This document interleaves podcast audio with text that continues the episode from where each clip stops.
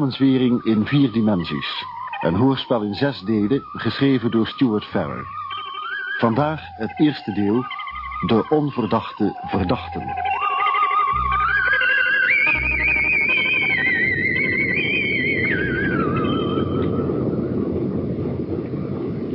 Dames en heren, over enkele minuten zullen wij landen op Schiphol, de luchthaven van Amsterdam. Wilt u uw stoelleuningen weer rechtop zetten, uw riemen vastmaken, niet meer roken en blijven zitten tot het vliegtuig volledig tot stilstand is gekomen. En welkom in zonnig Amsterdam. Ja, altijd neem ik me voor hier eens op vakantie te gaan. En als het dan zo is, moet ik verdomme werken. Zo erg is het nou ook weer niet, Douglas. Een paar uurtjes om een rondvaart door de grachten te maken... zullen de heus wel overschieten. Mijn ervaring met dit soort internationale zaakjes zegt me anders dat er niet veel van zal komen. Maar dat kan jou natuurlijk niet schelen. Jij kent het land en je spreekt de taal. Jullie special branch jongens doen niks anders dan heen en weer vliegen. Derde keer in elf jaar. Nou, dat is nog altijd twee man zoveel als ik. Maar ja, ik ben maar een doodgewone smeris. En dat is dan de eerste keer dat ik een inspecteur van Scotland Yard zichzelf een smeris heb horen noemen. Nou, nou eens op met dat gezeur. We moeten een zaak klagen in Nederland. Meer is er niet aan de hand. Ik weet niet precies wat er aan de hand is, maar het moet wel knap belangrijk zijn. Belangrijk genoeg in ieder geval om een hoofdinspecteur en twee inspecteurs uit hun bed te sleuren en hier zo te rijden. Zonder ontbijt. Ontbijt heb je tenminste nog in het vliegtuig gehad. Daar heb jij weer gelijk in. En degene die ons hier naartoe heeft laten komen, heeft in ieder geval helemaal niet geslaagd. Harpy. Harpy, Joop. Wat geweldig. Jij bent er dus ook bij betrokken. Wat het dan ook zijn. Het schijnt zo. Prettige vlucht gaan. Ik zou het je niet kunnen zeggen, ik sliep nog. Heren, dit is hoofdinspecteur Joop van Maas van de Rijkspolitie. We hebben samen in Utrecht gestudeerd. Joop, dit is mijn assistent, inspecteur Douglas Cameron. En dit is uh, inspecteur Rex Mortimer van de CID. Welkom in Holland, heren. Prettig kennis te maken. en dit is mijn assistente, inspectrice Wanda Noordijk. Mm. Prettig kennis met u te maken. Zo, maakt u het. En uh, inspecteur Hans ten Bos. Ik weet nog niet precies hoe de zaak opgezet wordt... maar ik neem aan dat u nauw met hem zult samenwerken, meneer Mortimer. Hallo, hoe maakt u het? Ik heb de wagen bij me en voor jullie bagage wordt gezorgd. We gaan meteen naar Den Haag. De minister verwacht ons om 12 uur. De minister, hè? Dan is het dus toch een belangrijke zaak.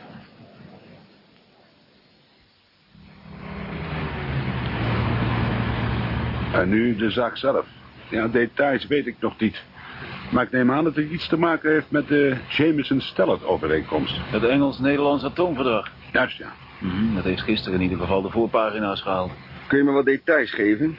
Ik zat gisteren nog wat over mijn oor in de Stephen Hawk-zaak. Ik heb geen krant gezien. Nou, in het kort gaat het hier om. De Jameson-Stellert-overeenkomst, dat is een reusachtig project. Dat is opgezet om de Nederlandse en de Engelse nucleaire activiteiten te bundelen. Er zal een uh, samenwerking tussen de verschillende atoomcentrales opgezet worden... waardoor er beter en vooral effectiever gewerkt kan worden. Nou, gisterochtend werd het plan in openbaarheid gebracht. Tot op dat ogenblik waren alle voorbereidingen in het diepste geheim afgehandeld. Maar het is uitgelekt. Want iemand heeft een paar uur voor de openbaarmaking zijn slag geslagen op de beurs. Op het moment dat het plan wereldkundig gemaakt werd... vlogen de aandelen van de betrokken fabrieken de hoogte in. Maar de dag tevoren had iemand die aandelen opgekocht... en heeft op die manier een vermogen verdiend.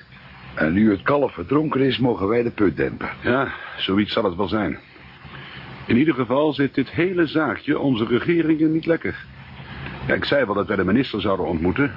maar eigenlijk gaan we onze opwachting maken bij twee ministers. Die van Nederland en die van Engeland. Allemachtig. Ja, zeg dat wel.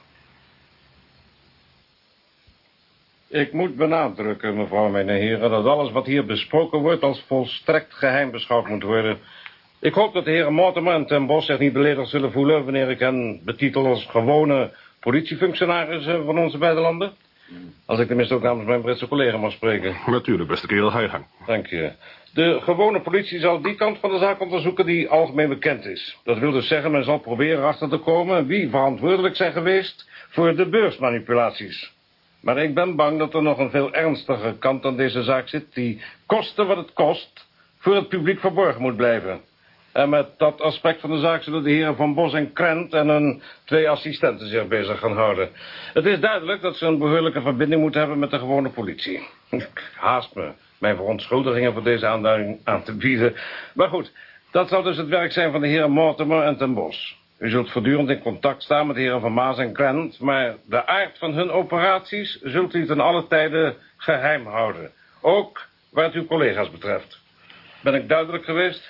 Volledig, meneer de minister. Ik begrijp het. Goed, goed. Om nu het binationale karakter van deze operatie nog eens te onderstrepen... wil ik mijn Britse collega verzoeken verder te gaan. Zoals je wilt, eh, beste kerel. Goed. De zaak is dat de aard van de informatie die uitgelekt is... heeft onze beide regeringen tot een zeer onaangename gevolgtrekking gedwongen. Om de kans op een gebeurtenis zoals die heeft plaatsgevonden zo klein mogelijk te maken... was de complete lijst van meewerkende fabrieken slechts bekend aan twee mensen. Te weten de twee betrokken ministers, de heer Erik Stellaert... als vertegenwoordiger van de Nederlandse regering... en Sir Thomas Jameson als representant van het Engelse gouvernement. En natuurlijk waren de beide premiers van alles op de hoogte. Allemachtig. Mm, uw verbazing is alleszins begrijpelijk, hoofdinspecteur. En gelooft u me, ze wordt gedeeld door beide regeringen. Op het eerste gezicht kan het lek alleen maar ontstaan zijn bij een van de betrokken ministers. Zoiets is natuurlijk onvoorstelbaar, maar wij kunnen op dit ogenblik nauwelijks een andere conclusie trekken. Het onderzoek naar die mogelijkheid vertrouwen wij toe aan u en aan de heer Van Maas. Ik mag aannemen dat u meer samengewerkt hebt. Ja, ja, zeker, meneer. We zijn oude vrienden. Goed, goed, goed, goed. Maar u begrijpt natuurlijk dat wanneer het publiek ook maar vermoedde... dat een van de twee ministers persoonlijk verantwoordelijk geweest zou zijn... de internationale repercussies desastreus zouden zijn. Nee, inderdaad. Dat kan natuurlijk onvermijdelijk zijn als de waarheid eenmaal is komen vast te staan. Het is uw taak die vast te stellen. Als u nog vragen hebt... Nou, nee. Nog wat koffie, meneer Cameron? Alsjeblieft, mevrouw Van Maas. Dan zet ik even wat versen. Kan ik je soms helpen, Vera? Niet nodig, blijf maar lekker zitten. Ik wou dat alle vergaderingen op deze manier gehouden werden. Ik heb verrukkelijk gegeten. Ja, het is geweldig vriendelijk van jou en Vera om ons zo gastvrij te onthalen. Hoewel, de Jaard kan zich een hotel veroorloven. We hebben bedden genoeg. En Wanda woont hier om de hoek. Het is veel eenvoudiger om bij elkaar in de buurt te zitten. En eh, een hotelrekening versier ik wel voor je. Zo, hoe dan wel? We hebben zo onze contacten. En als Wanda en ik in Londen zijn, reken ik op jouw gastvrijheid. Dit gaat ongetwijfeld een forensenzaak worden. Ik heb maar één bed over. Voor Wanda. Ik heb er eens meer op de grond geslapen. En het is wel goed dat Vera me vertrouwt. Hou jij jezelf maar niet voor de mal. Ik vertrouw Wanda. Ja, neemt u mij niet kwalijk. eh. ja, we vinden het natuurlijk prettig om eh, met u samen te werken. Eh, maar, Maar u vraagt zich af waarom nou uitgerekend een vrouw moet meewerken. tja, ja, inderdaad. Nou, dat is heel simpel, meneer Grant. Mijn vader en mijn twee broers werken op het ministerie van Buitenlandse Zaken. En daarom is iemand kennelijk op het idee gekomen dat mijn contacten wel eens nuttig zouden kunnen zijn. Ja, ja het zou inderdaad kunnen. Nou, op de goede samenwerking dan maar. En laten we elkaar alsjeblieft tutoyeren. Heel graag. Ter zake dan, hè? Zal ik gaan? Nee, blijf alsjeblieft zitten. Ik wil een vertrouwd telefooncontact en dat moet jij zijn. Mortimer en Bos moeten weten hoe en waar ze ons kunnen bereiken. Maar de hele zaak is zo geheim dat je er zelfs in je slaap niet over mag praten. Goed? Goed. Om jullie de waarheid te zeggen, de zaak staat me helemaal niet aan. We zullen moeten beginnen Stellaert en Sir Thomas te ondervragen. Dat is duidelijk. We weten dat ze ons allebei verwachten, dus hoe eerder, hoe beter. Ja, ik zou echt niet weten wat wij bij hen zullen bereiken. Mensen in zo'n positie zijn bepaald geen dwazen... en als een van hen schuldig is... Of allebei. Of allebei... dan zullen ze heel voorzichtig te werk zijn gegaan... en op alle vragen een plausibel antwoord kunnen geven. Ik verzeker u, heren, dat ik alles zal doen wat in mijn vermogen ligt om u bij uw onderzoek van dienst te zijn. Dank u, meneer Stellaert. Al mijn papieren zijn te uw beschikking en u kunt natuurlijk vrijelijk mijn medewerkers ondervragen. Maar, en ik weet dat dit mijzelf in een moeilijke situatie brengt, u kunt hen uitsluiten. Waarom zegt u dat, meneer? Omdat geen van hen de volledige lijst van de samenwerkende fabrieken kende. Er zijn een groot aantal firma's die wel ingeschreven hebben, maar aan wie niets gegund is. Alleen de minister-president en ikzelf wisten wie er uiteindelijk uitgekozen zijn. Dat wil natuurlijk zeggen voor wat de Nederlandse kant betreft. De Engelse contractanten vielen buiten mijn competentie. Daarvoor moet u zich tot Sir Thomas wenden. We hebben natuurlijk wel van gedachten gewisseld over de diverse firma's op ons beide lijsten. Maar zelfs daaruit waren tal van eindcombinaties mogelijk. Ja, en toch hebben die beursspeculanten de juiste combinaties gevonden. Een goede gok. Hoofdinspecteur, als je zo kon gokken... dan zou je de uitslag van alle cupwedstrijden kunnen voorspellen... voordat het seizoen begonnen was. Nee, daar hoeft u niet aan te denken. Meneer de minister, Mhm. u zei net dat u de lijst met Engelse firma's niet kende. De echte lijst bedoel ik. Dat alleen Londen die kende. Ja, tot een paar uur voor onze gemeenschappelijke verklaring aan de pers. Maar op dat moment was de beursspeculatie al bijna beëindigd. En dat geldt evenzo voor de Nederlandse lijst. Zeker ja, toen mijn koerier arriveerde was Sir Thomas in een kabinetsvergadering. Hij kon mijn lijst dus pas enkele uren later bestuderen. De couriers. Zelfs al hadden ze de lijsten gelezen, dan nog zouden ze er niet wijzer van geworden zijn. Wij maakten namelijk gebruik van een code die alleen aan Sir Thomas en mij bekend was. Heren, wij waren zeer goed op de hoogte van de risico's die een voortijdig bekend worden van onze beslissing met zich meebrachten. Vandaar al die uitgebreide voorzorgsmaatregelen. Die dan toch niks uitgehaald hebben. Ja, helaas, net wat u zegt, ja. Heren, ik ben volkomen openhartig tegen u. Het is duidelijk dat men u gezegd heeft dat of Sir Thomas of ikzelf verantwoordelijk moeten zijn voor het lek. Is dat juist? Onze opdracht is het vaststellen en onderzoeken van feiten, meneer de minister. Ja, laten we alsjeblieft geen spelletje spelen, hoofdinspecteur.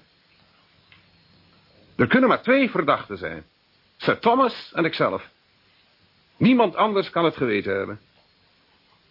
Maar het absurde van deze hele zaak is, en u bent kennelijk niet volledig ingelicht, dat er twee lijsten waren en de speculanten kenden die lijsten nog voordat wij zelf ze kenden.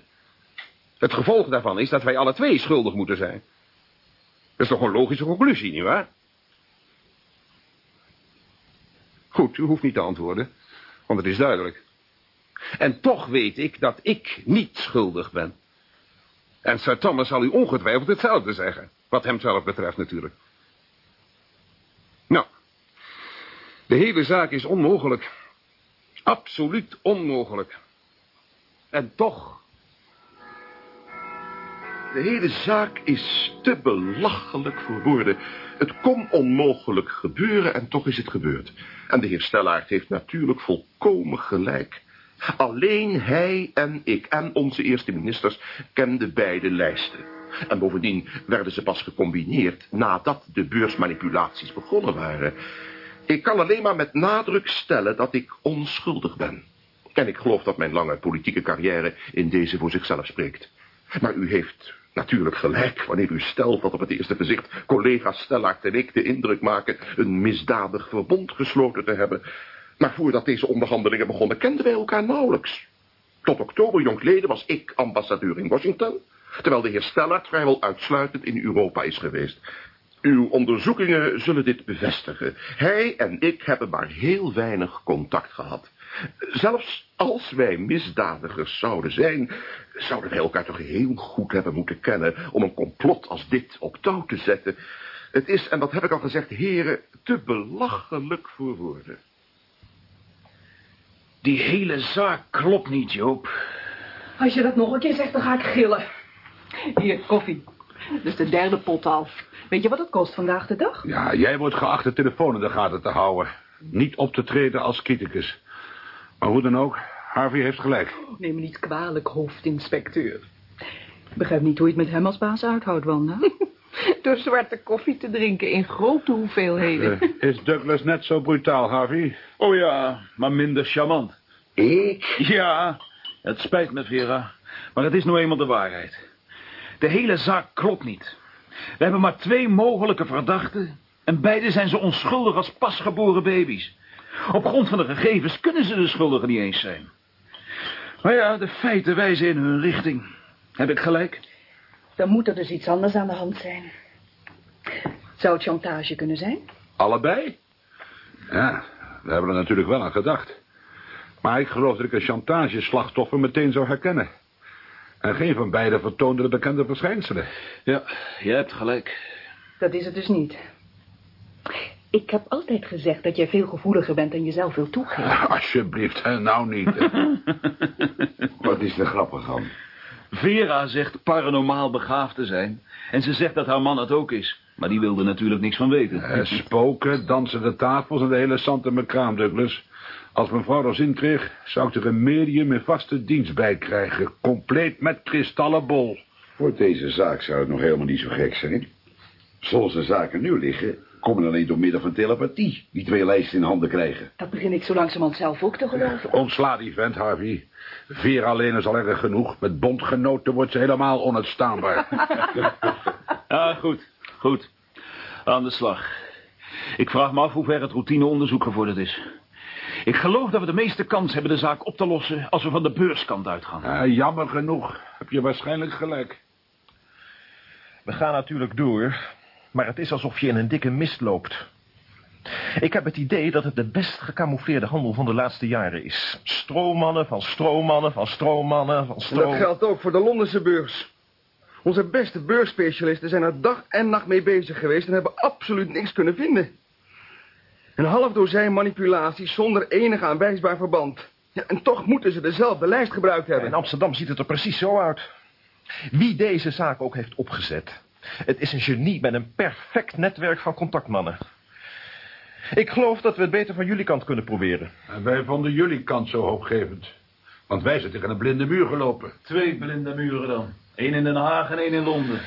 Ja. Nou, dan zullen we maar weer aan het werk gaan.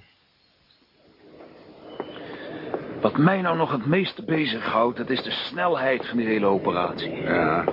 Kijk, om die beursspeculatie op touw te zetten... moet meneer X de inhoud van beide lijsten gekend hebben... op het moment dat ze bij elkaar gevoegd werden. Hetgeen weer wijst in de richting van Stellaert en Jameson. Toch, hè? Ja, ik kan dat niet geloven, Harvey. Ja, misschien heeft Vera toch gelijk, telepathie of iets dergelijks. Ja, begin jij nou ook nog eens? nou ja, als al het andere onmogelijk is... moet je gaan zoeken naar het onwaarschijnlijke. Pas op!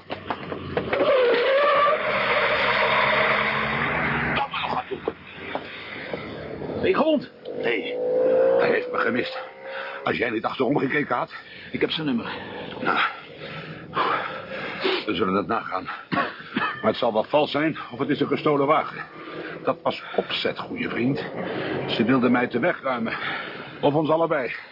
Joop, het betekent dat ze weten dat wij achter ze aan zitten. Het kan niet met een van je andere zaken te maken hebben. Lijkt me niet. Ik heb me de afgelopen weken alleen maar met routinekarweitjes bezig gehouden. Eh, zeg maar niks tegen Vera. Goed, goed. Nou, als het meneer X is, dan heeft hij een verdomd goed spionagenet. Precies wat je zegt.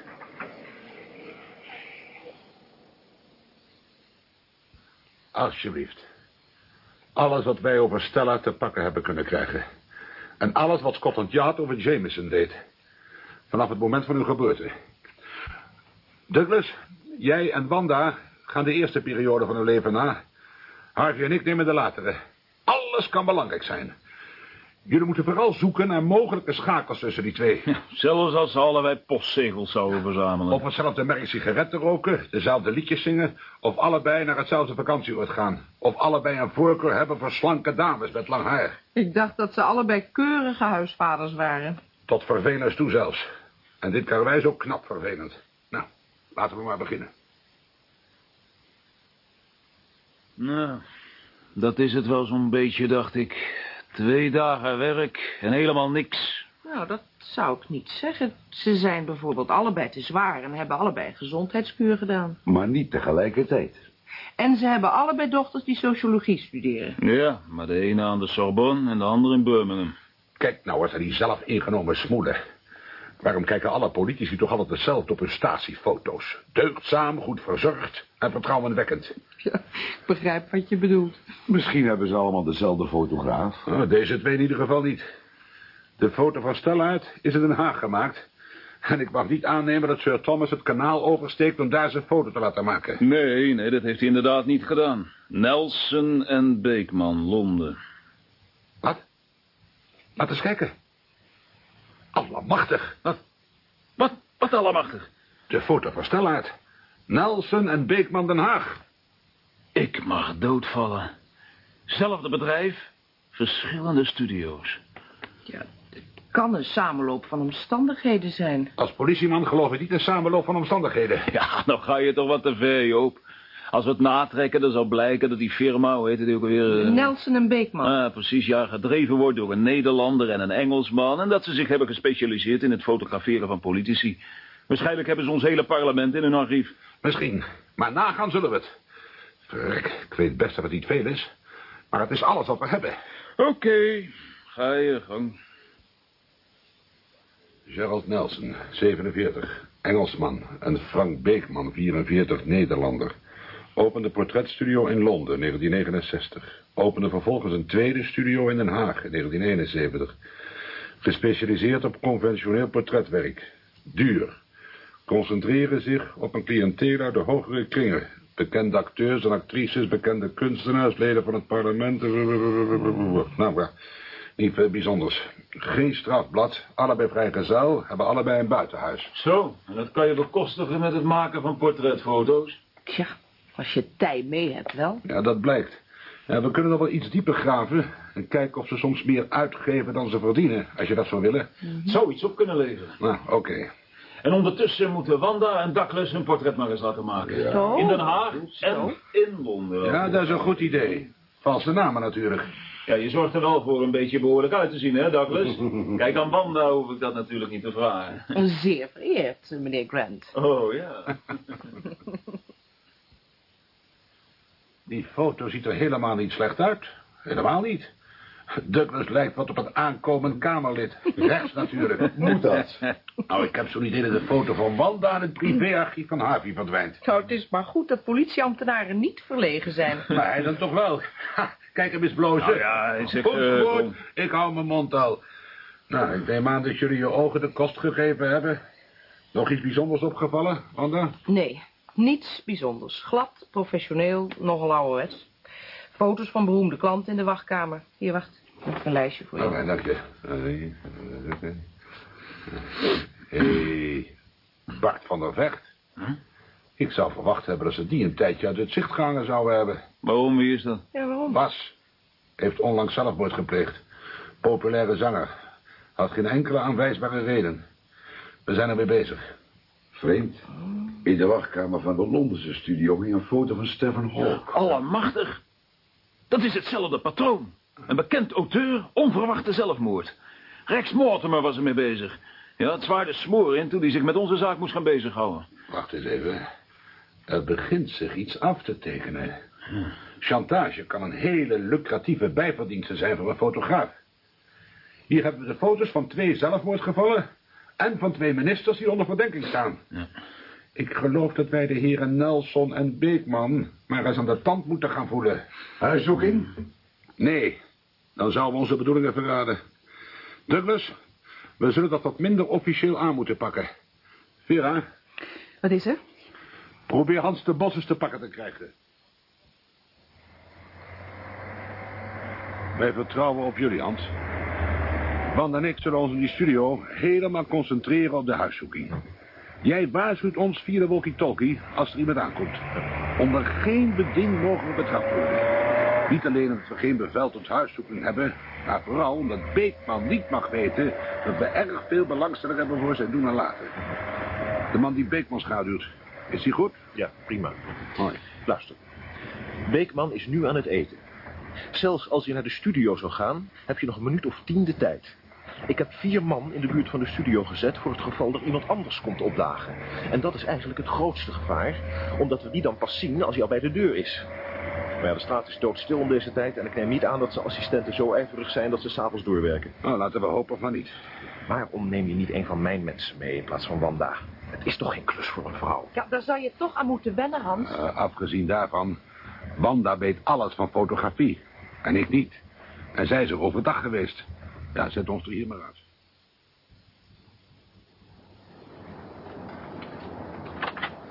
Lukt het? Ja, deze zal ik wel doen. Alsjeblieft.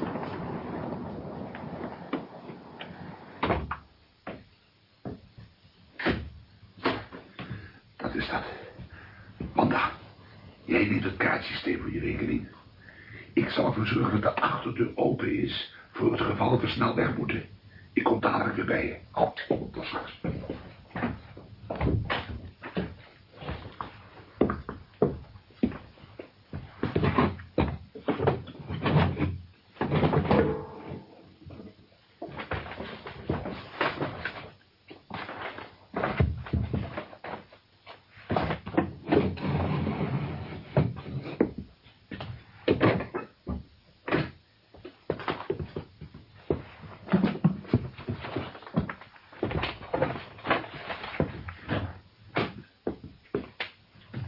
iets gevonden?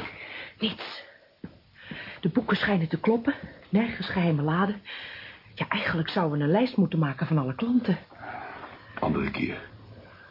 Nou, ik eh, zal me eens met het bureau gaan bezighouden.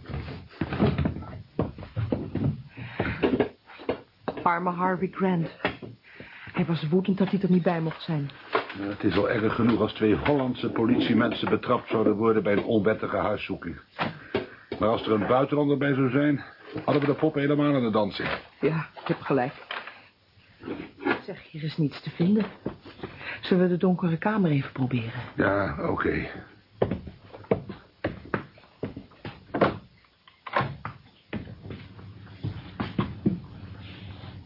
Wat vind je ervan? Ja. Dure spullen. Maar verder helemaal in orde. Ja. Verborgen bergplaatsen. Ja, als- ik iets zou moeten verbergen, dan zou ik het wel weten. En waar dan? Nou, daar. In die dozen met onbelicht vergrotingspapier. Dan zou je meteen weten of er iemand naar gezocht had. Omdat het onbelichte papier dan belicht zou zijn. Nou ja. Dan kunnen we hier niks meer doen. Nou, laten we de studio maar gaan bekijken. Oké.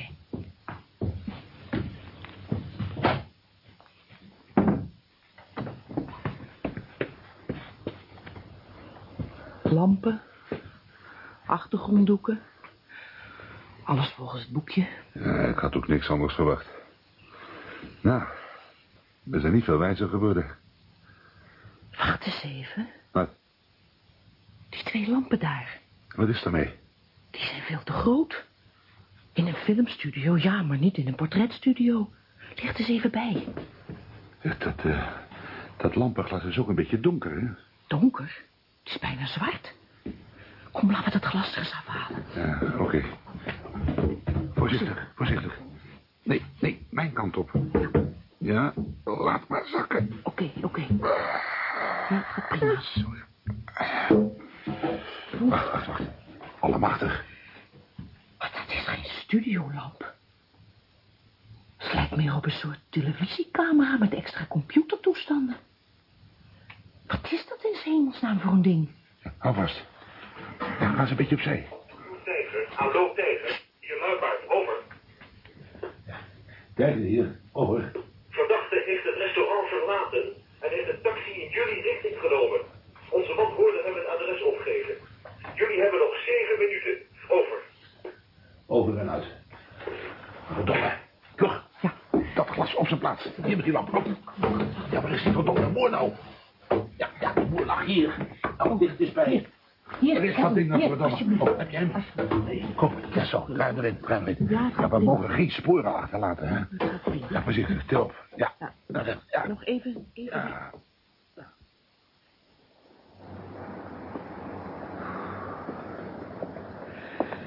Dat scheelde niet veel. Ik dacht niet dat we zouden halen. Wij gingen net de achterdeur uit toen hij de voordeur openmaakte. Zeg, heb je de deur op slot gedaan? Ja. Ik geloof ook niet dat we sporen achtergelaten hebben. Die toestand in die lamp. Ik begrijp er niks van. Ik heb tenminste nog nooit zulke lampen gezien. Geloof dat ik weet wat het is, hè? Oh ja? De projector van een laserstraal. Een laserstraal? Ben je daar zeker van? Ik heb eens een demonstratie meegemaakt. De projector daar leek erg veel op deze.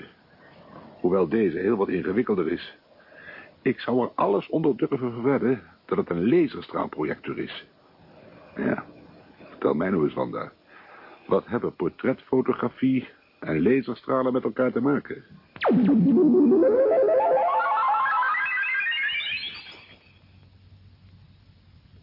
U heeft geluisterd naar het eerste deel van Samenzwering in vier dimensies. Een hoorspel in zes delen, geschreven door Stuart Farrer. De rolverdeling was als volgt. Een stewardess, Joke van den Berg. Douglas Cameron, Cor Witsche. Harvey Grant, Gees Dinnenbank. Rex Mortimer, Ad van Kempen. Joop van Maas, Pieter Lutz. Wanda Noordijk, Petra Dumas. Hans ten Bos, Polo Hamburger. Een Nederlandse minister, Ab Abspoel. Een Britse minister, Tim Beekman. Erik Stellaert, Wim Hoddes. Sir Thomas Jameson, Jules Croiset. En Vera van Maas, Els Buitendijk. Technische realisatie Leon Dubois en Fred de Beer. Regie Hero Muller.